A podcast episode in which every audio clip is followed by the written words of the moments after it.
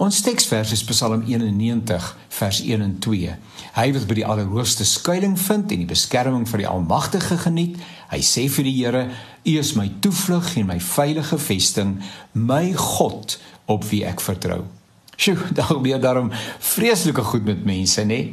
Dat 'n mens ietwat onseën en onveilig voel in hierdie wêreld, ook in Suid-Afrika, is inderdaad so. Stel jouself dit net voor. Jy bevind jouself in die middestad van Johannesburg en skielik skeur die pad in twee. Motors word die lug ingeslinger.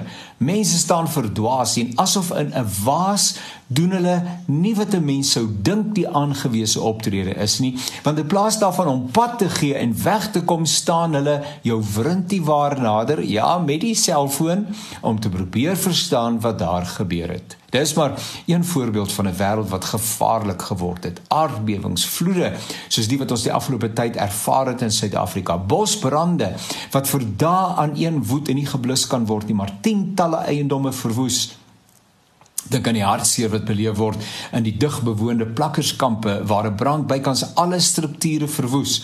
Al wat oorbly is gebuigde sinkplate wat as gevolg van die hitte misvorm is.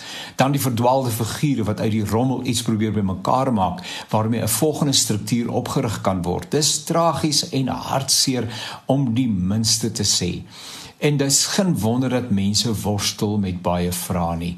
En uh, die vraag waar is God as dit dan nou so stikkend is? Kan hy byvoorbeeld nie die motorongeluk voorsien het nie?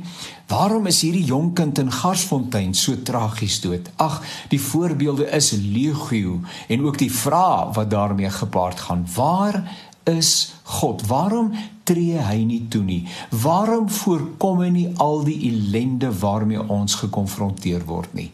Nou, die vraag op hierdie, die antwoord op hierdie vraag ontwyk 'n mens voortdurend. Jy vind vrede en besluit om hom die voordeel van die twyfel te gee by wyse van spreuke net om weer ontstel te word. En dis menslik. Dink aan aan die psalms, nê? Nee? Uh dit is so eerlik en so broos. Dink aan Jesus op die vooraand van sy kruisiging verkeer hy in doodsangs.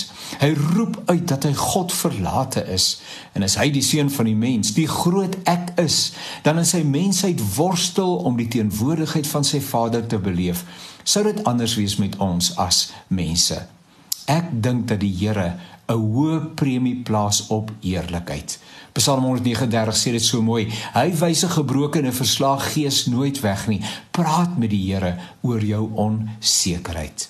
Feit van die saak, ongeag ons interpretasie daarvan, ook ons belewenis van omstandighede, hy is Immanuel, God met ons. Hy het gesê, ek sal jou nooit begewe en nooit verlaat nie.